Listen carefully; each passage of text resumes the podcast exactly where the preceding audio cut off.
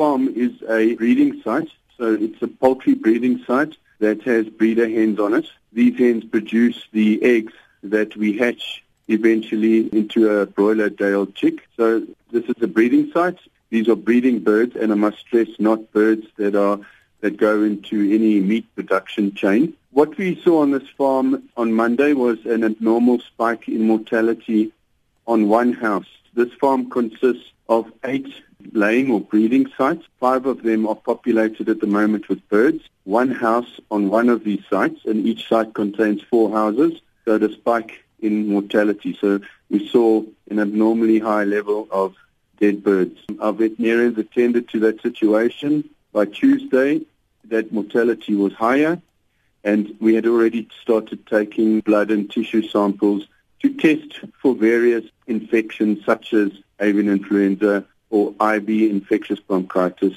NCD, which is Newcastle disease, or any other infectious agents that may be playing a role in the mortality that we were seeing. Uh, the birds showed no clinical signs of AI. So that wasn't suspected at that stage, Tuesday, still wasn't suspected on Wednesday by the veterinarians attending to the farm. Arnold sê daar is baie streng maatreëls vir die hantering van die voëlgriep betref.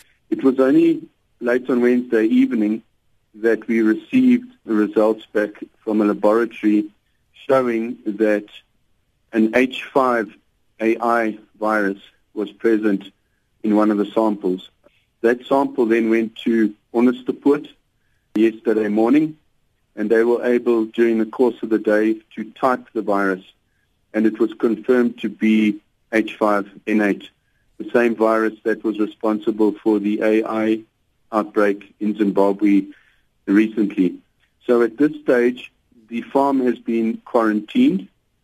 The one affected site of the eight sites has been killed so that those birds have been depleted. That's obviously a precautionary measure to stop the spread of this virus on the farm. Arnold sê voëlgriep word op verskeie maniere oorgedra aan pluimvee. Bird flu is typically spread by wild birds. Any sources that would attract birds, water sources for example, and perhaps important to mention here, this farm is adjacent to the Vaal River, so that's a potential source of contamination. But this virus has spread rapidly across Europe. In November 2016, it was detected in wild birds in Europe. By January 2017, this virus had spread across the entire Western Europe, even into Eastern Europe. And it was spread by wild birds, and obviously domestic fowl or poultry are highly susceptible to H5N8. It's highly contagious.